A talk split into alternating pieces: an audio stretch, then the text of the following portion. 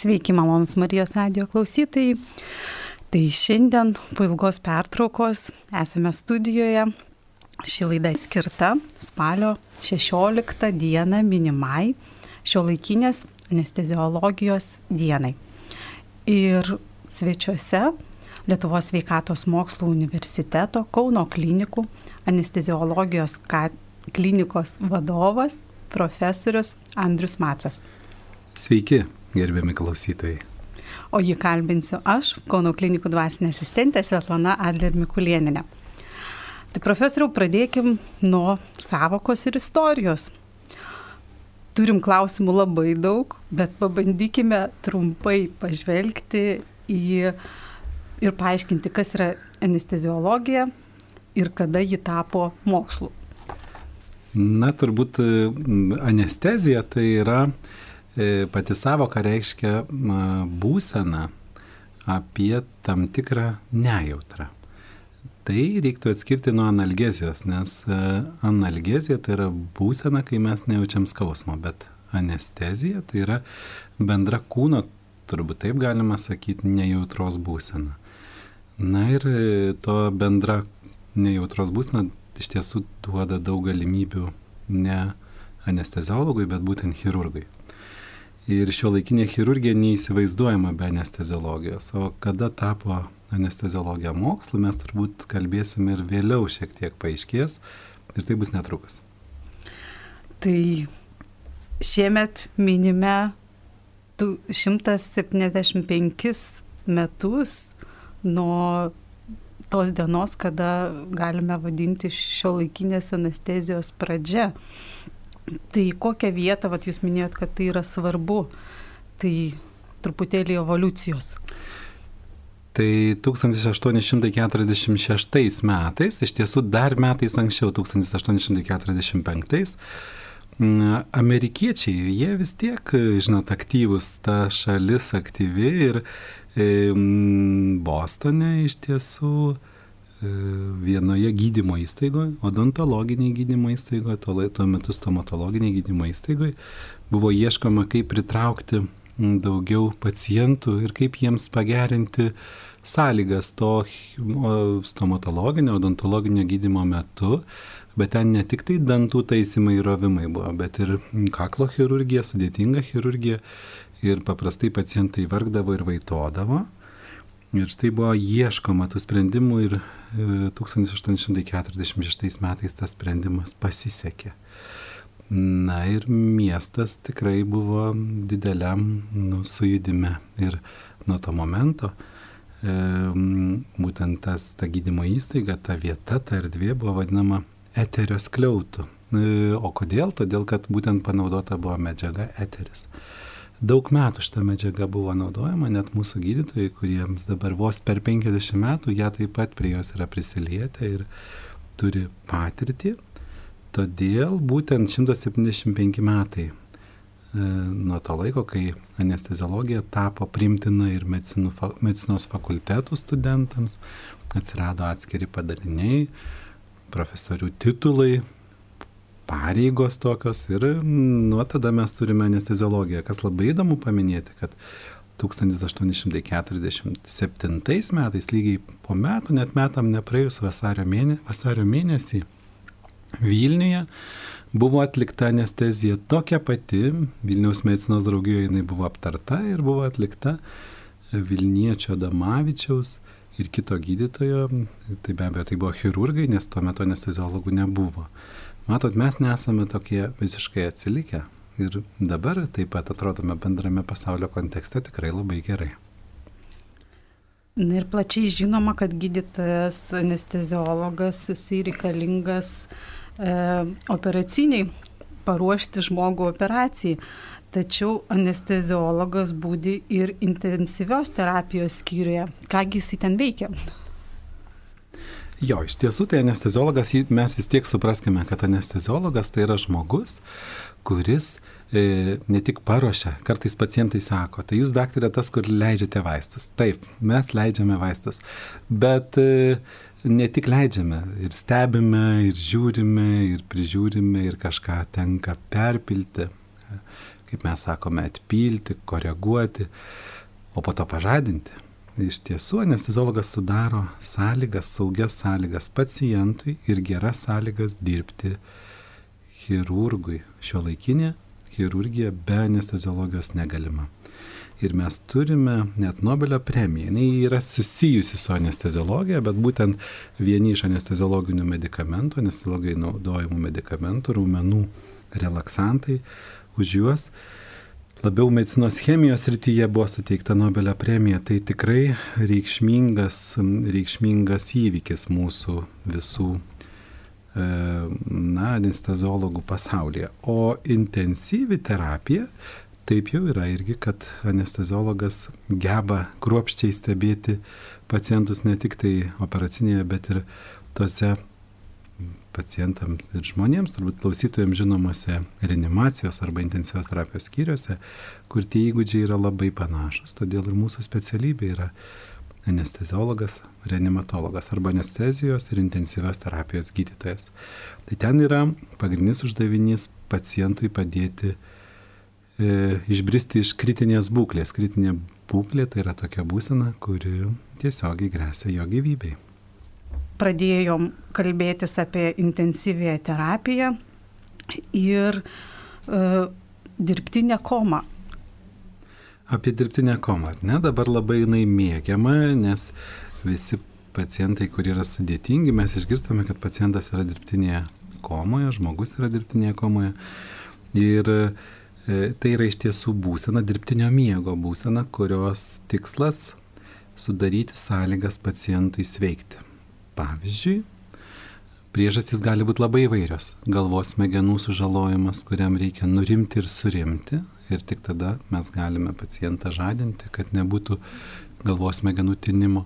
Bet gali būti ir kitokių priežasčių, pavyzdžiui, pacientas po na, sudėtingos širdies operacijos arba e, sudėtinga kvepavimo takų, galbūt e, plaučių ar visai kitos na, organų sistemos e, sužalojimas, gal buvusi chirurgija, kur reikia laiko, kad na, sugytų ar apgytų kažkiek tai, tada pacientas turi būti miego būsenui, nejautroje ir tai vadinama dirbtinė koma. Bet medikamentai iš principo tai yra tie patys, kuriuos naudojame ir operacijų metu. Tik tai galbūt kitokiam dozėmis, kitokiam, kitokiais režimais, kaip mes sakome, bet yra dirbtinio miego būsena. Kuo skiriasi nuo natūralios komos? Tada? Natūrali koma nėra tokia. Na, tai nėra natūrali paciento būsena, jeigu mes esame komai, kažkas su mumis negerai. Ar apsinuodijom kažkuo dėl savo kokiu nors pomėgių, ar, ne, ar atsitiktinai, ar patyrėm galvos traumą. Tai žinot, būsena, kad tu net nėra jokių ar refleksų, ar reakcijų. Tai yra koma, bet na, būtų vis visais atvejais geriau, kad nereiktų papult, papulti vienokio ar kitokio pobūdžio komą. Išvedimas iš komos, tai Tai mažinimas vaistų, ar taip, kaip taip. jūs išvedat? Kokiu... Tai jeigu tai yra toks tikslas, tai mes kaip ir sukėlėm, taip ir tenka mažinant vaistus, žiūrėti, kaip pacientas bunda ir, kaip aš jau ir minėjau, tikėtis, kad va, tas laikas laimėtas leido jo organizmui apsveikti, kad jis jau galėtų tikrai funkcionuoti gerai. Ir turiu tikrai pasakyti, kad tie darbai apie vaikų galvos traumas, suaugusių galvos traumas, jie yra įspūdingi ir tas leidimas nuraminti e, sudirgintam smegenim turi savo vietą. Tai ir kitose, kaip jau minėjau, sistemose tai labai svarbu. Reikalingas, reikalinga būsena, kai yra specialisto rankos. Tai nereikia nusigasti, jeigu mes išgirstame uh, kito uh, telefono laido gale, kad mūsų artimajam yra sukelta dirbtinė koma. Žmonės kartais labai išsigasta ir sako, jau viskas reiškia, jau tik kviest kunigą ir užsakinėti laidojimo biurą. Ir taip ir ne. Pasakysiu, kodėl ne. Dirbtinė ta būsena keliama tam, kad padėti. Tai tikrai ne viskas. Bet ir galėtumėm čia baigti. Bet jeigu tenka sukelti tokią būseną, reiškia, būklė rimta. Tai žinot, vis visokio pobūdžio maldos dar niekam nepakenkė. Taip kad jeigu jau yra toks reikalas, tai kodėl, kodėlgi to nepanaudoti? Tai nuo sunkių būklių pereikim prie diagnostikos. Šiai dienai anesteziologo reikia ir diagnostikos srityje. Tai kokie tyrimai, kad tokios nejautros reikia stiprius? Tai klausimas geras, kartais perteklinis, kartais mes jaučiame, kad pacientai arba žmonės tiesiog galvoja, kad anestezija tai yra natūralus miegas. Va čia yra klaida. Anestezija nėra natūralus miegas, tai yra dirbtinis miegas ir kiekvienas dirbtinis reiškinys turi savo, na ir šalutinius poveikius. Tai visgi yra tų diagnostinių tyrimų, procedūrų, kur miegas reikalingas. Pavyzdžiui, sudėtingas galvos smegenų tyrimas magnetinio rezonanso metodu turi būti visiška nejudra. Na, saugęs žmogus gali pagulėti, bet vaikas gali ir nepagulėti. Tyrimas trunka valandą. Ir tenka atlikti anesteziją. Reikalinga? Reikalinga. Kartais neišeina atlikti tyrimų mažiem vaikams, jeigu mes turime žarnyno tyrimus, kartais ir vyresniem pacientam. E, tenka atlikti na, bendrai, kaip mes sakom, nuskausmę, iš tiesų sukelti nejautrą ir tų sričių yra ir daugiau. Apie visas jas nelaimėsime, aš tik tai neaptarsime ir, ir turbūt e, visų klausimų neatsakysim šioje srityje, bet vis tiek reiktų labai pasverti, ar tikrai ta diagnostinė procedūra reikalinga. Kartais tai yra kaprizas kai pacientas nori visiškai miegoti, pavyzdžiui, vieno danties taisymo metu, bet juk yra kitų metodų - vietinė anestezija, regioninė, kur ją sukėlus galima išvengti šalutinių reiškinių. Todėl reikia labai galvoti ir atsiminti vieną dalyką - anestezija nėra natūralus miegas. Ačiū profesoriui. Ir Vaikų, jau paminėjot vaikų anesteziologiją, anesteziją, tai tėvam kyla klausimai, ypač kada mes šnekam apie gal dažnesnį uh, operacijų skaičių, ar nepakenks Pavyzdžiui, nu, atrodo tokie paprastos operacijos, kurios galbūt ir išaugama, e, tonzilių e, šitą nosytę sutvarkyti, taip sakant, ne gerklytę sutvarkyti. Tai kai kurie atsisako e, dėl to, kad bus naudojama visiška nejautra ir po to galbūt hmm. pakenks atminčiai ar kitiems kognityviniams pažintiniams procesams. Jo, iš tiesų klausimas e, labai platus, mes daug ką galim kalbėti, paimtumėm kitą kraštutinumą, vaikas nudegęs, jeigu jau taip nutiko ir jam reikia perišti jį kas dieną, kas antrą dieną, 30 kartų, 40 ir reikia tos pačios pilnos anestezijos. Tai ar tai reiškia, kad jis pasmerktas? Ne, tai nereiškia, kad jis pasmerktas. Mm, todėl ir puikiai gali mokintis ir, ir nėra jokių abejonių, kad, na, tiesiog tai yra būtina, kad jis pasveiktų, kad uh, užauktų, va, nu, nudegė odos e, sluoksniai ir, ir zonos. Ir tų anestezijų gali būti per trumpą laiką labai daug. Bet tie vaikai auga ir vystosi. Jeigu mes kalbam apie vieną kitą anesteziją per žmogaus gyvenimą, tai vėlgi ir įvertinkim, kad tai yra viena kita. Tačiau Na, turbūt reiktų suprasti, kad vėlgi anestezija nėra natūralu, kaip ir sakau, tai yra dirbtina ir be abejo kiekvienas dirbtinas dalykas turi savo poveikį. Mes žinome, kad yra darbų, kurie, mokslinių darbų, kurie sako, kad visgi anestezijos metu žadinant išsiskiria tam tikros medžiagos iš žmogaus na, smegenų lastelių E, kurios mes vadiname, kad tai yra na, smegenų tam tikros pažaidos medžiagos, bet jos lygiai taip pat išsiskiria ir gydytojui būdinčiam arba slaugytojui naktinio būdėjimo metu. Lygiai taip pat jos išsiskiria gaisrininkui, kuris būdi, nebūtinai gesina gaisrą, policininkui, kuris pareigūnas patruliuoja mieste E, na ir bet kuriam kitam žmogui, kuris patiria stresą. Todėl sakyt, medžiagos išsiskiria, bet ar tai yra tikrai pažaida, dar labai didelis klausimas. E, taip ir kalbame. Ir vėl grįžtame, kad jeigu anestezija reikalinga, jinai privalo būti atlikta ir tikrai žmogui bus daug didesnė nauda negu žala lygiai taip pat ir vaikui. Jeigu mes neoperuosim vaiko tonzilių, viskas tvarkoj, jeigu vaikas serga vieną kartą į metus, jeigu jam nes, nesikeičia sakandis, jeigu jisai neturi kas 2-3 savaitės gerti antibiotikus, kas yra tikrai na, reikšminga žala, tai aišku, galima svarstyti operacijos poreikį. Bet jeigu vaikui keičiasi veido struktūra, veido forma, e, dažniau infekciniai, na, viršutinių kvepavimo takų uždegimai, ir panaudojama tam išgydyti masę priemonių, kurios tikrai irgi sveikatos netneša. Tai vat, reikia sverti naudos, kaip mes sakome, rizikos santyki. Ir viena ar kelios anestezijos, jeigu jos atliekamos reikalų, tai net neturi sukelti jokių abejonių. Ir anestezijos laikas. Kartais e, galima girdėti, kad e, žmogus ilgai užmygdomas ir ilgai miega. Tai šiai dienai, kiek aš va pastebėjau, tai iškart po operacijos. Ir čia, yra, jo, ir čia klausytojai turi suprasti, kad šio laikinės anesteziologijos išskirtinumas medikamentai, kurie veikia trumpai. Atrodo, kas čia tokio. Tai gali pamiegoti ten 20 minučių ilgiau. Bet čia ir yra svarbu, kad kuo mes turime greitesnę medikamento pradžią ir kuo greitesnę pabaigą, mes trumpiname bendrąją trukmę.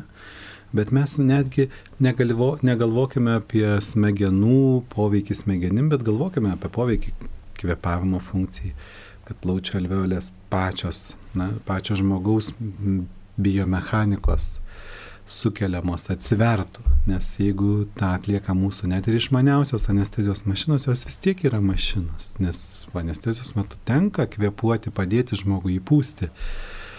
Ir tai nėra fiziologiška, viskas nėra fiziologiška, bet kuo trumpesnis anestetiko veikimas, tuo žmogus greičiau bunda, tuo greičiau jį galima padaryti normaliu, natūralioj būsenai, e, gražinti natūralią būseną.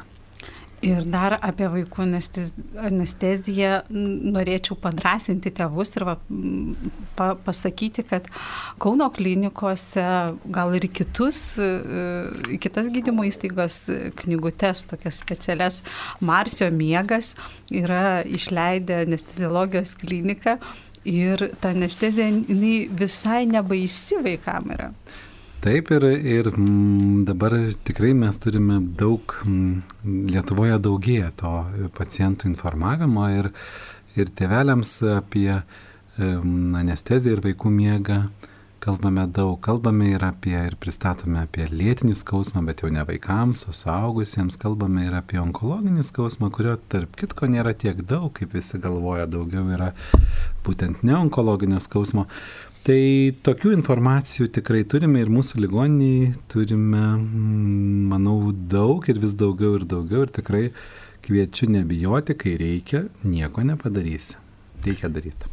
Na ir pereikim prie tokių truputėlį filosofinių klausimų, kurių e, sulaukiau iš e, studentų, kurie ruošiasi tapti dvasiniais asistentais. Tai vad senovėje, kai kurie žmonės ypač tikintis atsisakydavo anestezijos ir norėdavo iškesti skausmą. Ar tokių dabar pasitaiko? Aha, klausimas toksai mažai medicinis, daugiau apsisprendimo žmogaus. E, vėlgi, turbūt jeigu taip atsakyti, jeigu žmogus įprasmina savo kančią kažkokiem, tai, nu, kaip, ne, aukoja už kažką, e, taip, ne, nedrįstų čia diskutuoti. Ir, ir suprantu, bet kaip gydytojas galiu pasakyti, jeigu skausmas sumus nevaldomas, jis tampa lėtiniu. Kas atsitinka, kai žmogus kenčia lėtinį skausmą, jis darosi piktas. Keičiasi jo, na, net mąstymas. Ir skausmas tampa nebe simptomas, nebe sindromas, ką mes medikumus mokinam, bet lyga. Atskira lyga ir tai yra bėda artimiesiam bėda, bendradarbėm bėda. Įsivaizduojat, sako, žmogus vis piktas ir piktas. Jis galbūt lėtiniam skausme. Tai čia, mm, e, žinot, taip su idealizuoti skausmą ilgalaikiai perspektyvai tikrai netinka. E, jis gali būti ten iškesti skausmą, nepaimti tabletę vieną, gal kitą vakarą, bet taip atsiranda rizika skausmui chronizuotis. Ir tu gali eiti ir sakyti, aš iškenčiau skausmą, o čia pat apriekt kaimynę, parduotuviai pardavėją, tai iš to visgi, na, reikia labai tą skaičiuoti. Ir e, aš matau, kad klausia mūsų apie ar gydytojai, kurie patys iškesdavo skausmą, e, matydami per veidrodį, kaip jie operuoja, ar juos operuoja, kad geriau išmoktų, tai visgi šitą klausimą reiktų atsakyti, kad sąlygos, kai tu turi iškesti chirurgui, yra blogos. Ir yra tų aprašytų istorijų, kai ten, kur nebuvo medicinos pagalbos, kai chirurgas išsioperuoja savo kirmelinę ataugą, esant uždegimui, mes žinome tą lygą kaip apendicitą, tuo atveju yra, bet visgi na, tai nėra siekinys, nes taip kokybiškai padaryti gali ir negalėt ir bus tik tai bėda. Ir apie medžiagas, kurios naudojamas, jūs jau paminėjot pirmąją medžiagą, kaip keitėsi tos medžiagos, kiek jos dabar skiriasi nuo tų pirmųjų. Irgi labai įdomu ir įdomu yra tai, kad, kaip jau sakiau, visi anestetikai arba, nes tai nėra vien tik anestetikai, tai ir nu, tie, kurie sukelia miegą, tai narkotinės medžiagos, ne narkotikai, čia šiek tiek yra kitaip. Narkotinį miegą sukeliančios me medžiagos, kurios mus užmigdo, yra nuskausminamieji, mes juos naudojam stiprius, tai yra opiatai, va čia yra tie vadinami narkotikai, bet jie naudojami labai irgi išskirtiniai, jie veikia labai trumpai. Ir mes turime raumenis atpalaiduojančius vaistus, kurie yra svarbus. Nes be jų, kaip minėjau, chirurgas neturėtų gerų sąlygų, bet visus, kuriuos be paimsi iš šių trijų grupių, visi jie skiriasi nuo ankstesnių, kad veikia greitai ir trumpai. Pradžia aiški ir kuo aiškesnė ir greitesnė pabaiga. Tai mes turime vaistų ir iš tarybinių laikų, kuriuos vis dar naudojame, nes jie yra pasiteisinę ir netgi neščio moterim yra net klausimas, turbūt ar Oksfordo, ar Harvardo studentų egzamine, kokią anesteziją rinktis pacientiai, kuri yra neščia, pavyzdžiui, lūžo ranka. Ir bus bendras atsakymas toksai, mm, tuos vaistus, kurie yra laiko išbandyti ir pasitvirtinę. Ten yra bendrasis toks klausimas ir jis iš tiesų nieks nekalba apie labai inovatyves medžiagas, kurioms dar reikia laiko, kad jos būtų išbandytos arba galutinai patvirtintos. Tai žodžiu, bendra taisyklė, kuo trumpesnė, trumpesnio veikimo medikamentai, tuo geriau. Na ir antras dėmo, kad jie būtų tikrai kaip galima labiau pilnai ištirti. Na ir jau jūs minėjot, bet dar užtvirtinkim, kiek kartų saugiai galima naudotis anesteziją. Tiek, kiek reikia, jeigu reikia, bet ne tiek, kiek reikia, jeigu nori. Yra žmonių, kurie nori. Tai žinot, mes daug ko norim, bet reikia daryti tai, kas priklauso. Tai jeigu žmogui tikrai reikia, jeigu tai yra lyga ir ją reikia taisyti, koreguoti, remontuoti, jeigu klausytojai neįsižeis, tada reikia. Bet jeigu mes Na, žinot, dabar labai daug ko norim. Pavyzdžiui, norim gražesnio veido, gražesnės krūtinės, gražesnės, na, kitos kūnos ryties ir prasideda norim. Tai tada klausimas. O anestezija tikrai žmonės sako, kad vat, man sutriko įsiminimas. Pusiai metų žmonės pastebi, kad jiems sunkiau įsidėmėti. Na tai ir turim sverti. Ar to norim dirbtinio miego, jeigu jo nereikia, ar nenorim. Ir ar buvo tokiu atveju, kad nepasiduotų? Ar yra tokių žmonių, kurie nepasiduoda anestezijai? Ar mes visi jau? Čia žinot, kaip filme apie Švarcnegerį, kaip Taip. ten jam kažkas leidžia, o, o jis vis tiek įveikia tos blog, blogiukus. Tai turiu pasakyti, kad žmonės pasiduoda anestezijai visi, tik tai dozė yra skirtinga. Ir teko matyti tokių pacientų, kur, na, aš jau turbūt ir sunkiai būčiau atsikėlęs bet e, ir tai nebūtinai vyrai, bet e, dozė gal penkis kart didesnė negu kitiem, bet tai yra tokie vienetiniai atvejai, gal žmogus tiesiog turi greitą metabolizmą būtent tos medžiagos, bet visi mes pasiduodam anestetikam. Nu, vat ir klausimai, kai atsibudimas.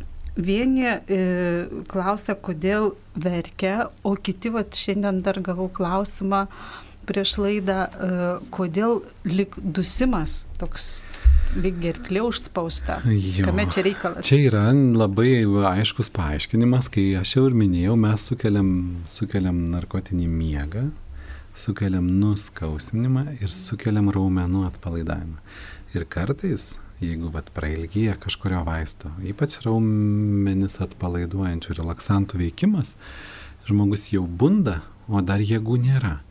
Ir koks jausmas, tu negali normaliai įkvėpti, atrodo, kad tave akmuo užgulės. Tai va tas dusulys gali būti. Čia nieko nuostabaus, mes tą anesteziologiją stebim, prižiūrim, taip nutinka kartai, žmonės tą atsimena. Bet kad net ir tas jausmas, jis yra visada gydytojo ir slaugytojos. Labai svarbu, kad būtų ne tik tai gydytojas, bet ir slaugytojas žmonės prisimena medicinos sesers pavadinimą, bet tas labai svarbu, mūsų anestezistės talkina e, ir tas vadžvilgsnis žadinant pacientą. Ir mes matom, kad jam trūksta jėgų. Ir yra tų metodų, kaip tai padėti. Tai jau mūsų darbas. Bet tikrai taip nutinka. Na ir aš tada apie užmygimą dar paklausiu vieną klausimą. E, užmiegant, Ar jūs girdite visokių įdomių dalykų, nes teko girdėti, kad ir keikėsi žmonės, ir juokėsi. Ja, tai žinot, e, vieni bijo prišnekėti, mhm. kiti e, prašo gal ką nors pasakė artimieji, gal kažko tokio pikantiško, tai turi nuliūdinti ir vienus ir antrus, paprastai nespėja bando kažką pradėti sakyti, nepasakyti, bet pradėti sakyti ir viskas to baigėsi. Kaip jau minėjau, vaistai veikia greitai ir labai gerai, jeigu jie veikia tiek, kiek reikia. Tai mes turime greitai suveikiančius vaistus ir nespėję. Sulaukėme skambučio. Klausom. Rožė iš Kauno. Sveiki, sveiki, girdim. Man yra paliktas sutrikęs ritmas gyvenu su sutrikusiu širdies ritmu. Ir jeigu reiktų kokią nors operaciją daryti, daleiskim, nu ar apendicitą, ar susilaužyčiau, ar man darytų, ar ne. Tikrai darytumėm. Bet jūs turiu pasakyti kelis dalykus. Jūs privalote, ką daktaras ar kardiologas ar šeimos gydytojas yra paskyręs vartoti pastoviai dėl jūsų širdies ritmo. Tai tas svarbu. Nes keletą turbūt vaistų yra jums paskirta vaisto vartoti. Mes turbūt jų visų neaptarsim, dabar jų nėra daug, bet anesteziją anesteziologas tikrai atliks, jeigu bus toks poreikis. Tai pergyventi neverta. Bus padaryta. Ačiū už skambutį. Ir toliau tęsėme laidą. E, kalbamės apie anesteziologiją su profesorium Andriu Matsu, Kauno klinikų anesteziologijos klinikos vadovu. Jau laikas mus veja, bet klausimų dar turim daug. Ir ar būna prieš operaciją, kad žmonės persižegnoja ar paprašo, e, kad maldą sukalbėt, ar teko susidurti su tokiais dalykais?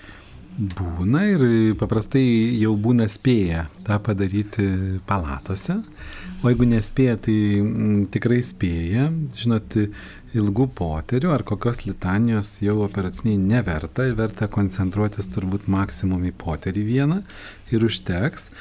Bet e, būna ir labai linksmų istorijų, aš esu pasakojęs ne vieną, žinot, ir, ir esu pagautas jau paciento, toks buvo mielas žmogus iš kaimo, jeigu jau kas girdėjo iš klausytojų tą pasakojimą, tai, tai ten nenustemba, bet žmogus iš kaimo ir jisai taip lyg pradėjo graudintis ant stalo, sako, daktarė, ar aš galėsiu smūjų groti. Man taip iš karto prabėgo mintis, kad kažkokį turim kaimo muzikantą.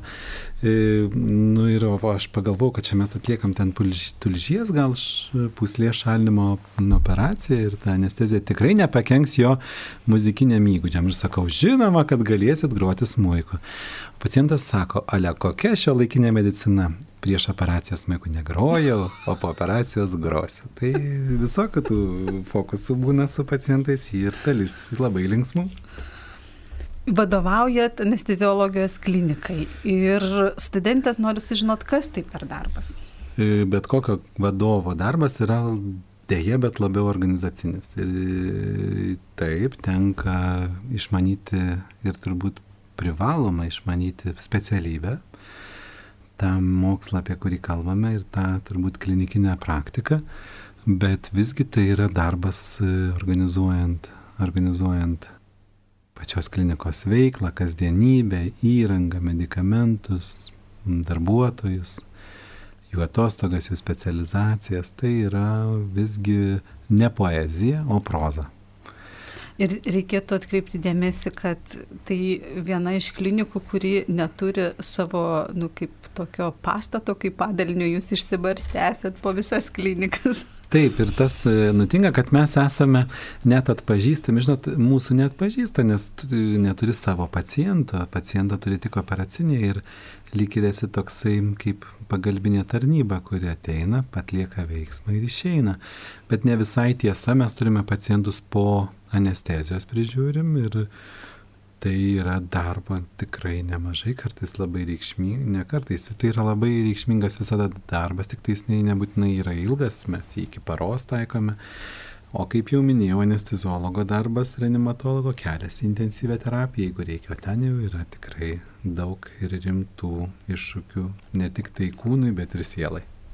Kokios svarbiausios vertybės šitame darbe? E, turbūt kaip ir mūsų universitetas, tai yra universitetas, kuris yra gyvybės mokslo, ne ne gyvybės, bet gyvybės. Tai turbūt labai aiškiai ir pasakyta, aš kažkaip šiemet susimašiau, kaip čia ta gyvybė, e, kaip universitetai, kuriame yra medicinos fakultetas ar kiti fakultetai, e, kaip jiems, kas jūs jungia. Tai mūsų universitetas turbūt 2013 ar, ar 2011 labai atsirado tokia iški savoka, kad esam gyvybės mokslo universitetas. Tai ir vertybės yra gyvybės, gyvybę palaikančios, o ne naikinančios, nutraukiančios arba kitaip kaip įtakojančios. O čia ir visas atsakymas dviejose žodžiuose. Na ir jūs esate tikinti žmogus ir e, nebijote tai deklaruoti. Ir kokios, ko, kokią įtaką turi jūsų tas tikėjimas jūsų darbe?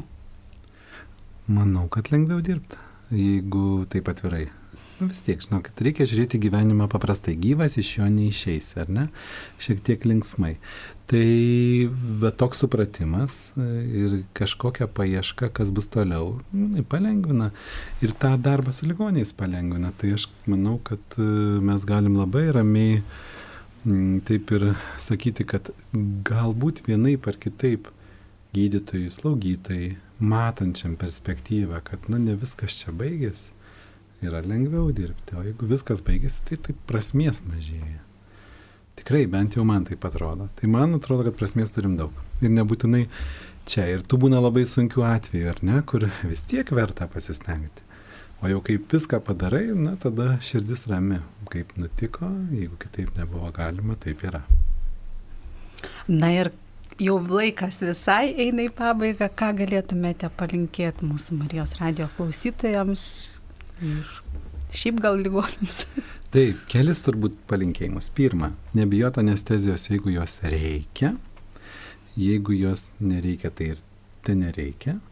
Antra, kalbėjom apie skausmą. E, jeigu skausmą tenka kesti, tai tebūnė tas skausmas kenčiamas trumpai. Na ir neslėtin, ilgai kenčiamas skausmas tampa lėtiniu. Ir trečias, tai pasitikėti mūsų Lietuvos gydytojų darbu, gydytojų anesteziologų, reanimatologų darbu. Tikrai jie jį išmano ir tą mes matome šiuo laikotarpiu, kai gydome sunkas lygas, nuo kurių ir vaistų dar kol kas nėra, bet tikrai tai yra aukščiausio lygio ir patirties specialistai. Ir pasaulyje mes tikrai galime jaustis labai saugus. Dėkoju Jums už pokalbį. Tai Ši laida buvo skirta spalio 16 minimai šio laikinės anesteziologijos dienai ir svečiuose buvo Lietuvos sveikatos mokslo universiteto Kauno klinikų anesteziologijos klinikos vadovas profesorius Andrius Macas. O kalbinau jį aš, Kauno klinikų dvasinė asistentė Svetlana Adler Mikulieninė. Sudė malonus Marijos radio klausytojai. Sudė.